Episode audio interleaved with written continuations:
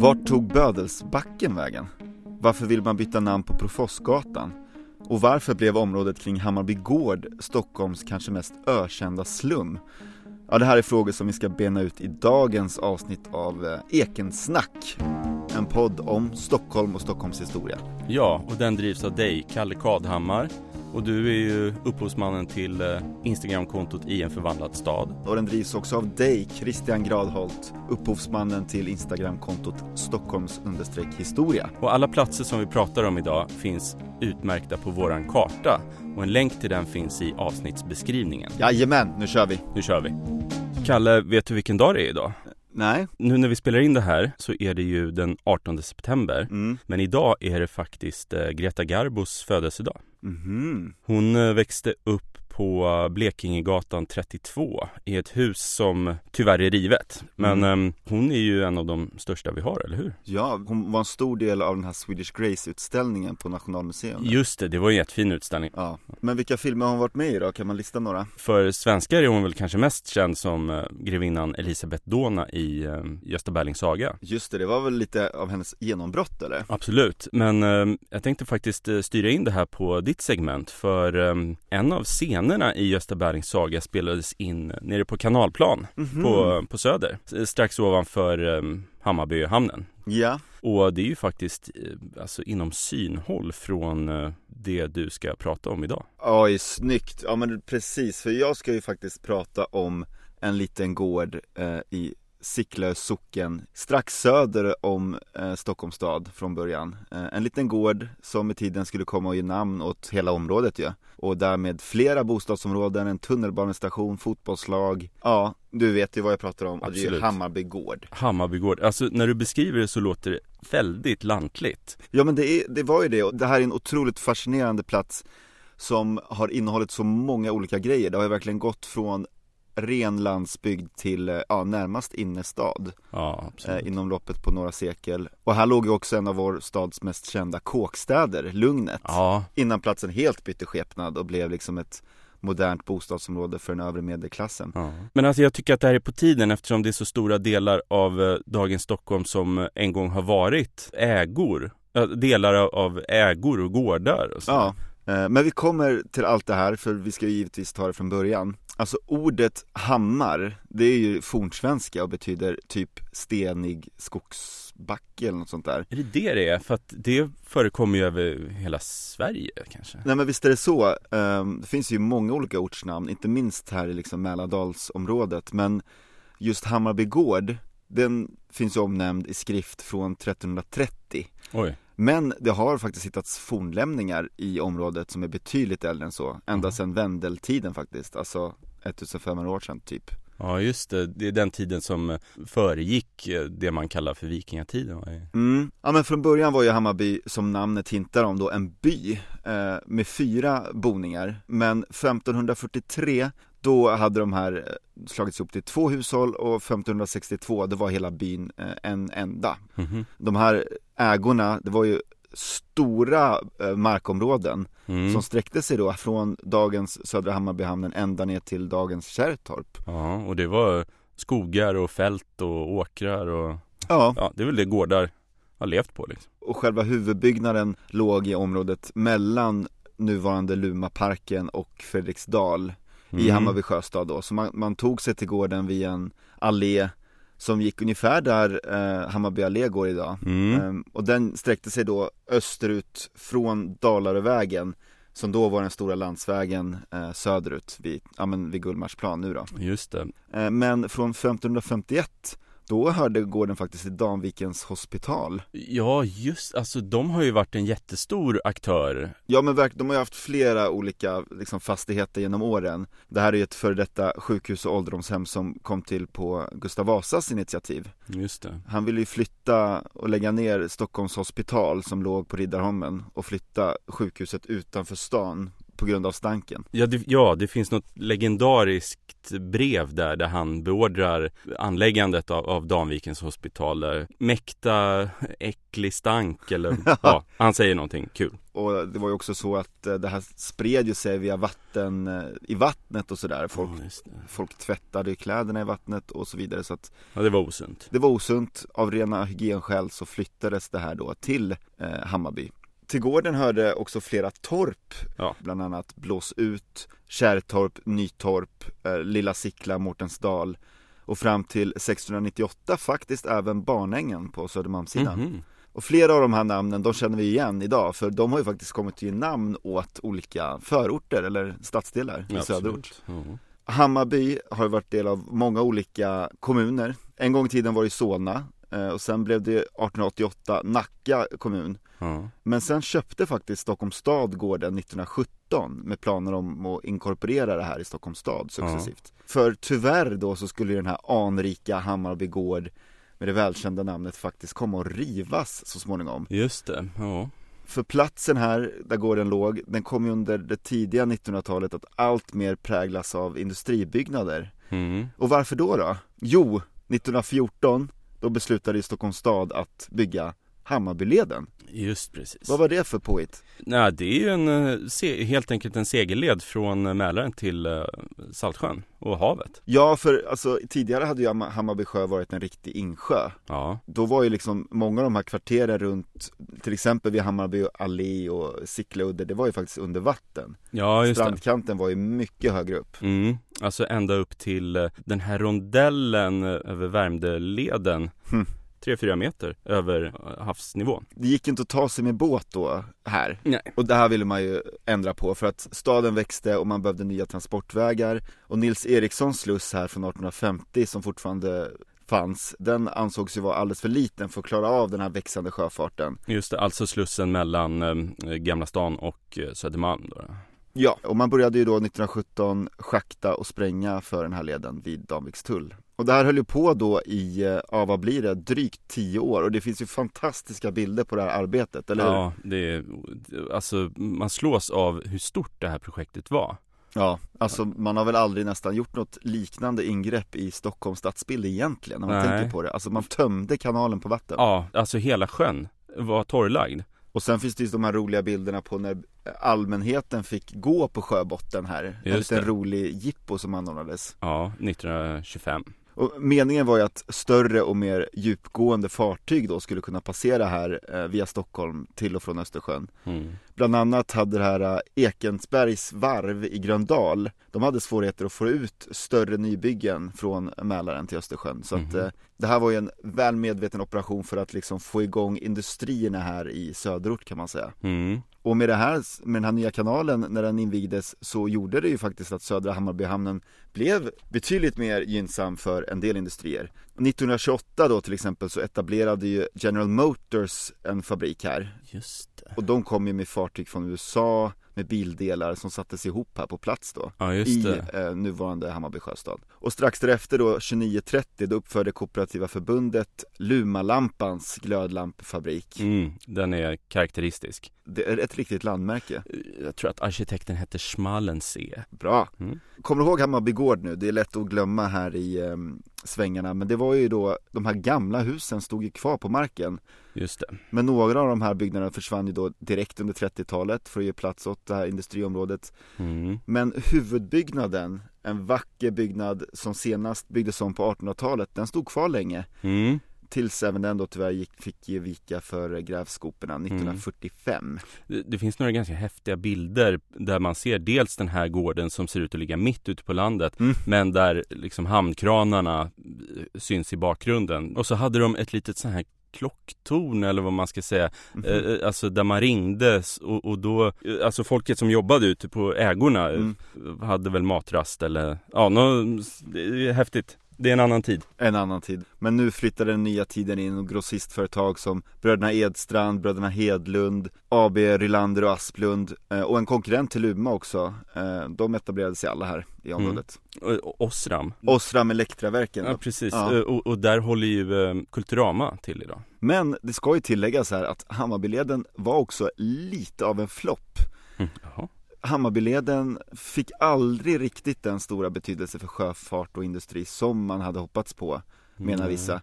Det var inte så många industrianläggningar trots allt här som, som kunde utnyttja den här hamnen. Mhm. Det beror på dels eh, det här med att delar av kanalen var för grund för allt för Ja. stora fartyg. Så det fanns ju faktiskt hela tiden under hela 1900-talet här massa planer på att etablera industrier som inte riktigt blev av. De kom aldrig till skott. Jaha. Men det var också så att marken är ju här lite instabil eftersom platsen består ju av gammal sjöbotten. Så det har ju varit problem att bebygga den här marken. Okej. Och vad ledde då det här till? Jo, ett provisoriskt småindustriområde Just växte det. fram successivt här mellan de lite större industrierna. Ja. För här var alla kontrakt ettåriga, det här var liksom ett konstant provisorium där man hela tiden hade planer som gick i stöpet. ja. Så det var liksom total brist på renoveringsvilja och långsiktighet här. Ja, ja. Och det ledde till att platsen blev lite av en kåkstad eh, som snart sträckte sig bort hela vägen till Sickla park. Ja, Och det här var ju då det som är känt som Lugnets industriområde, som det officiellt hette. just det. Blev ju allmänt känt som en av de mest seglivade skjulområdena i Stockholm.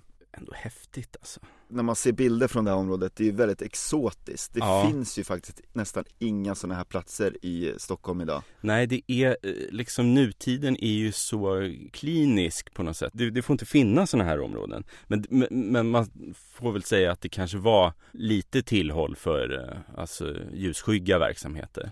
Ja men det är ju så för att eh, under 50 och 60-talen då växte ju den här eh, liksom lugnet till sig ordentligt men sen på 80-talet då började man ju faktiskt redan då diskutera planer för att bygga ett bostadsområde här Mm. och då flyttade ju många av de här lite seriösare verkstäderna Ja. även de små flyttade ju då, då under 90-talet blev ju då lugnet mer av ett tillhåll för mycket missbrukare och hemlösa va? och Ja. kriminella mc-ligor och sådär Just det. så det var ju ett väldigt speciellt, unik plats det här eh, när man då 1991 tog konkreta planer på att faktiskt bygga bostäder i det här området. Och inspirationen kom bland annat från Berlin. Här ville man ju då bygga ganska mycket så som innerstan i Stockholm med, med slutna kvarter och liksom öppna innergårdar.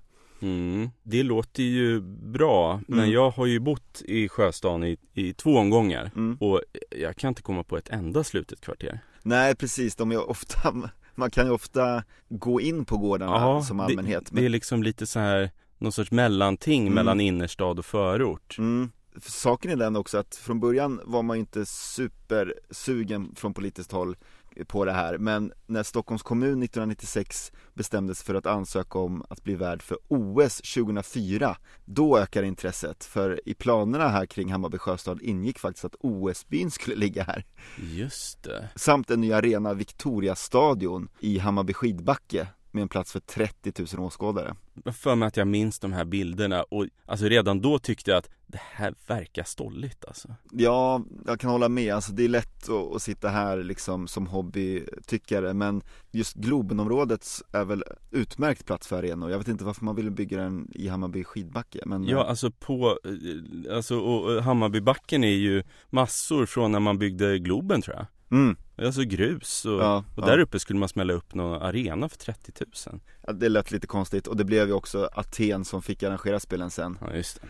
Så då tog man till sig en ny översiktsplan här 98 och i den ingår 200 hektar mark mellan Skanstull och Danvikstull på båda sidor av Hammarby sjö. Och då hade man redan börjat rivningen av det här lugnet. De sista delarna försvann 2002 Mm. av de här skjulen. Och den första inflyttningen då i Hammarby sjöstad skedde 2000.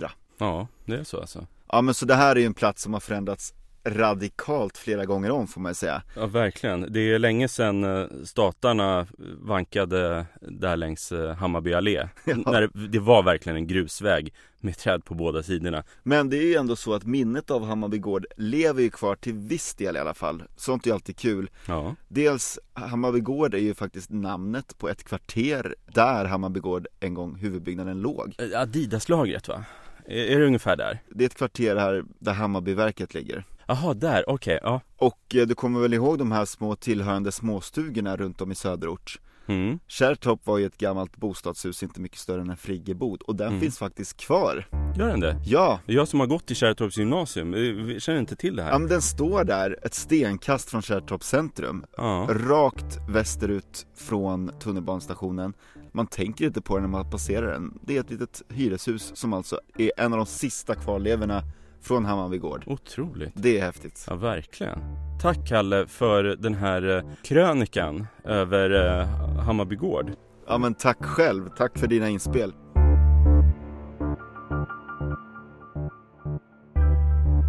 Du minns ju hur jag pratade om gatunamnsrevisioner genom Stockholmshistorien förra säsongen. Oh ja, det var ett riktigt intressant inlägg. Kul, eh, för jag tänkte återkomma till gatunamnen Mm. på ett lite annat sätt. För jag ska ta upp en särskild trend i Stockholm under 1800-talet. Mhm. Eller en trend kanske är lite att ta i, mer en tendens Okej. om man säger så. Eh, Det här gick ut på att eh, boende vid gator kunde föreslå och faktiskt få igenom namnbyten på just de här gatorna som de bodde vid. Mhm. Så vi befinner oss då under andra halvan av 1800-talet. Ja, Och ja. jag ska ta några exempel som kommer att visa på liksom företeelser i samhället som påkallade de här förslagen om namnbyten. Okej, okej. Eh, Först ska jag bara lite snabbt dra den här processen genom vilken ett gatunamnsbyte kommer till då. Mm. För det börjar med att en boende vid en gata känner att nej, men den här gatan som jag bor vid, den har ett förbannat fult namn. Jag, jag ville att den hellre skulle heta, säg eh, Solskensgatan. Mm. Och då skriver den här personen ner sitt ärende och förklarar varför ett namnbyte bör ske och så föreslår de ett nytt namn Mm. i ett brev som skickas till överståthållarämbetet. Ja, Eh, Och överståthållarämbetet det är ju regeringens förlängning i Stockholm. Ja. Alltså staten i staden kan man säga. mm. Och överståthållarämbetet tar emot den här skrivelsen men gör ingenting själva i det här läget. Nähä. Utan de skjuter ärendet vidare till stadsfullmäktige. okej. Som är den, eller som var den politiska församlingen i Stockholms stad. Mm. Här så kommer skrivelsen till eh, beredningsutskottet. Så de handlägger ärendet. Mm. Och de hör av sig eh, till olika remissinstanser. Eh, det kunde vara Stadsingenjören eller Byggnadsnämnden eller Drätselnämnden och andra. Mm. Och så säger de, hörni, vad säger ni, ska vi byta namn på den här gatan? Okej. Och så remissinstanserna, de skriver tjänsteutlåtanden där de yttrar sina ståndpunkter och där kunde det stå, ja absolut, byt namn. Eller nej, byt inte alls namn. Mm. Och så tar beredningsutskottet det här i beaktande och så går de kanske på någon remissinstanslinje. Och så skriver de ett utlåtande eh, där de hemställer om att stadsfullmäktige ska besluta om namnbyte på den här gatan och till det här namnet eller att de inte ska byta namn. Mm. Och så tas det här upp på ett möte i stadsfullmäktige där man kanske voterar om frågan Mm. och om tillräckligt många ledamöter håller med eh, om det här namnbytet så klubbas förslaget. Och då skickas en skrivelse tillbaka till överståthållarämbetet där man säger att beslut har tagits och den här gatan ska heta det här och det här, Mm. Solskensgatan då. Mm. Och då fastställer överståthållarämbetet gatans nya namn genom en kungörelse. Och då har gatan bytt namn. Okej. Så man får tänka sig den här processen när jag går igenom några exempel. Ja. Och mitt första exempel på när privatpersoner lyckades driva igenom en ändring av gatunamn, då går vi upp till eh, Ladugårdslandet, Mhm. alltså dagens Östermalm. Mm. Men året är 1867. Mm. För då är det en privatperson som vill att den ganska korta gatan som han bor vid bör byta namn. Mhm. Gatan heter Profossgatan. Mhm. Privatpersonen då, han hette Ernst Rössler, han var fotograf. Mm. Han har tagit några riktigt gamla bilder av Stockholm. Mm. Hade ateljé på Drottninggatan 23 tillsammans med brodern August Rössler. Mhm. Och även nere i Gamla stan i någon period. Okej. Eh, och de kom från Strigau i Schlesien, som idag är Polen då. Okej. Men han bodde i alla fall vid den här Profossgatan. Mm. Och det är ett lite otäckt namn för Profoss. Det var en militär befattning. Ja, Okej. Eh, Profossen sysslade med en, typ vakthållning av soldaterna och utdelade även kroppsstraff. Mhm. Och det kanske inte riktigt vad som boende vid den här gatan vill att deras gäster ska tänka på när de kommer på besök då. Nej just det, det är lite fientlig vibe där. Ja, alltså piskade ryggar och det är ju inget kul. Nej. Men Ernst Rössler, han föreslår i alla fall ett nytt namn. Mhm. För i trakten så finns ju Kaptensgatan och Löjtnantsgatan. Mm. Varför då inte döpa Profossgatan till Majorsgatan. Mhm. Så han skriver det här till överståthållarämbetet Mm. och hela den här ordningen som jag beskrev innan utspelar sig. Mm. Men du minns ju hur jag berättade om strafflagen från 1864 i avsnittet när vi pratar om avrättningsplatser. Ja, absolut. Det var ju i och med den som kroppsbestraffning utgick. Eh, För att nu kunde man ju inte längre dömas till att slita ris. Nej. Så det här Profossgatan, det är ju gammalmodigt nu Ja, och obehagligt. Då, Mm. Men stadsingenjören, som var en av de här remissinstanserna, han tycker inte att det här är giltiga skäl att ändra namn på Profossgatan. Nähä. Och om nu gatan skulle byta namn så skulle det bli Kulbergsgatan eftersom den är tänkt att förlängas upp till kvarteret Kulberget. okej. Och Handels och ekonomikollegium, de yttrade att det här var föga vikt vid den här frågan. Mm. Och Drätselnämndens första avdelning tyckte att det inte alls fanns något behov av att byta namn på den här gatan. Så beredningsutskottet hemställer alltså till stadsfullmäktige om att det här förslaget skulle lämnas utan åtgärd. Okej. Men vid ett möte i stadsfullmäktige så avslår man faktiskt det här, den här hemställan och går på Ernst Rösslers förslag om Majorsgatan, Okej. vilket den har hetat sedan 1868. Det är inte jätteofta man är där, det är en liten, liten gatstump. Ja, precis. Den är bara något kvarter lång. Men eh, det var ett exempel. Mm. Och för mitt andra exempel, då måste vi röra oss upp till eh, Katarina. Och så går vi några år framåt i tiden till 1872. Mm. Och här uppe vid Katarina, Mosebacke-trakten där, så ligger den lilla oansenliga och branta Kattrackaregränden. Ja, det låter lite halv Ja, otrevligt. det var ju en bödelsdräng och deras uppgifter var även alltså att slakta hundar och katter. Mm. Och, och hudavdragare, Oj. synonymt med flåbuse. Och så var han ju även eh, nattman, alltså latrintömmare, Ja, renhållningsjon. Ah, det är ju sånt här som man inte vill tänka på va. verkligen. Men du ser ett mönster här va. Gatorna som folk ville ändra namn på har med kropps och dödsstraff att göra. Mm. Mm. En boende skriver till överståthållarämbetet att det här är ett fult namn. Alltså, han föreslår Glasbruksgränden. Mm. Och det här är ju ett lokalt klingande namn. Mm, Men problemet är ju bara att det finns en massa glasbruksnamn i trakten. Ja, okej. Dels Stora och Lilla Glasbruksgatorna och så därtill kvarteren Glasbruket Större, Mindre, Övra, Nedra, Östra och Västra. eh, och dessutom så fanns det redan en glasbruksgränd på Kungsholmen. Ja. Så ytterligare ett glasbruksnamn, det skulle vara citat för allmänheten förvillande. Ja, det låter ändå logiskt. Ja, så stadsingenjören säger nej igen. Mm. Men märkligt nog så föreslår han ett annat glasnamn, eh, nämligen Glasblåsaregränden. Mhm. Men här kommer faktiskt Drätselnämnden och tycker att stadsingenjören har kläckt ett jävligt dåligt förslag. Eh, Så de föreslår istället namnet Fjällgränden. Okej. Det är lite finare. Mm. Och den letar sig ju liksom uppåt Katarinaberget, så det vore ju passande. Mm.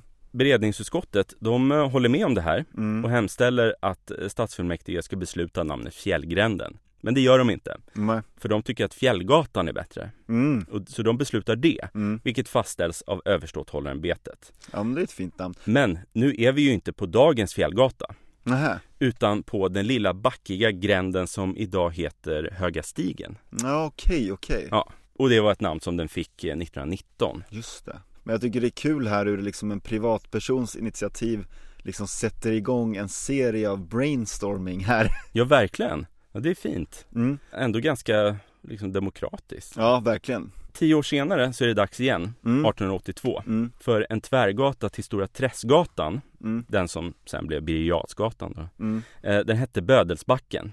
Mm. Här behöver man kanske inte orda så mycket om varför det namnet är otäckt. Nej, precis.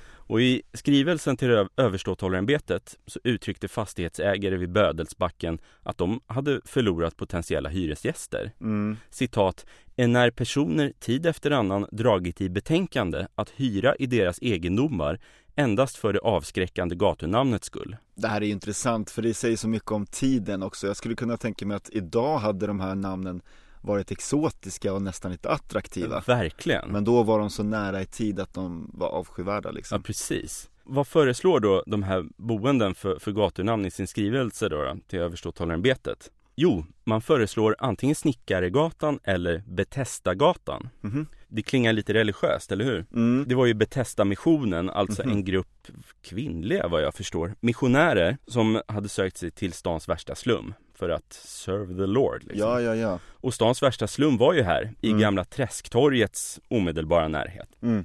Och de hade ju en tomt här på Smala gränd och så fick de bröderna Axel och Hjalmar Kumlin att rita en kyrka åt dem. Och den finns faktiskt kvar idag. Den heter Roseniuskyrkan. Mhm. Själva Betesda-missionen flyttade till eh, Florakyrkan uppe i eh, Villastan. Mm. Som på ett, helt obegripligt sätt revs 1966 efter att man uppgått i Immanuelskyrkan Ja, okej. som också revs 1970. Mhm. Vad gäller själva namnet Betesda så var det ett bad i Jerusalem där Jesus sägs ha botat en man som varit sjuk i 38 år. Mhm. Och han gick fram till mannen och sa Du är frisk nu, ta din säng och gå. Just det.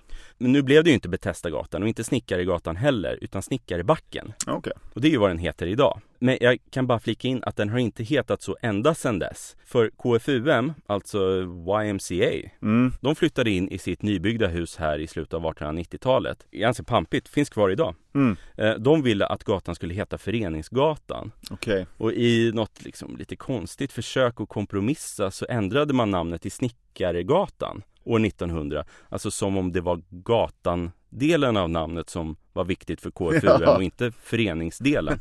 Så namnberedningen som kom till i början av 20-talet, de ändrade tillbaka till Snickarebacken. Mhm. Mm. Och så slutligen 1932 så försvann det här lilla e efter snickare och så blev det Snickarbacken. Mm. Så det här var ju tre exempel som, eh, på gator som, som ändrat namn på grund av att de äldre namnen liksom alluderade till döds och kroppsstraff. Mm. Och kroppsstraffen hade ju liksom utgått ur strafflagen så det var ju inte så konstigt att man ville ha bort det här då. Eftersom, som du sa där, det låg så nära i tiden. Ja. Men jag tycker det är intressant det här för att liksom uppenbarligen var det befolkningen som ville liksom öka statusen på sin egen gatstump här. Absolut. Idag ser man ju inte lika ofta den tendensen, nu känns det ofta som att det har med kommers att göra. Just det. Alltså jag tänker till exempel på just Kungsholmen som inte på något sätt är fult men där, man liksom jämt och ständigt försöker insistera på det här med Västermalm. Alltså just det här är ju en jättelång tradition. Mm. För även Östermalm, Mm. alltså som ju hette Ladugårdslandet Mm. fram till 1885. Mm. Där var det ju, vad jag förstår, både boende och eh, näringsidkare Mm. som ansökte om att ändra namnet till Okej. Östermalm. Mm. Och, och det här beslutades vid samma möte i stadsfullmäktige som den här stora gatunamnsrevisionen klubbades 16 juni 1885. All right. Men, men eh, alltså idag har vi ju, jag tror inte det är så många som lider över eh, namnet Mäster Mikaels gata till exempel. Nej. Och Mäster Mikael var ju en bödel som eh, själv blev avrättad för att han slog ihjäl sin polare. Mm. Mm. Och med de orden är det väl dags att runda av för idag. Ja, Den här podden görs ju av dig Christian Gradholt och dig når man ju på stockholms historia på Instagram. och dig, Kalle Kadhammar, du finns på Instagramkontot i en förvandlad stad. Och oss gemensamt når man på um, ekensnack@gmail.com. Och musiken tackar vi Christian Jäderberg för. Tack för idag. Tack för idag!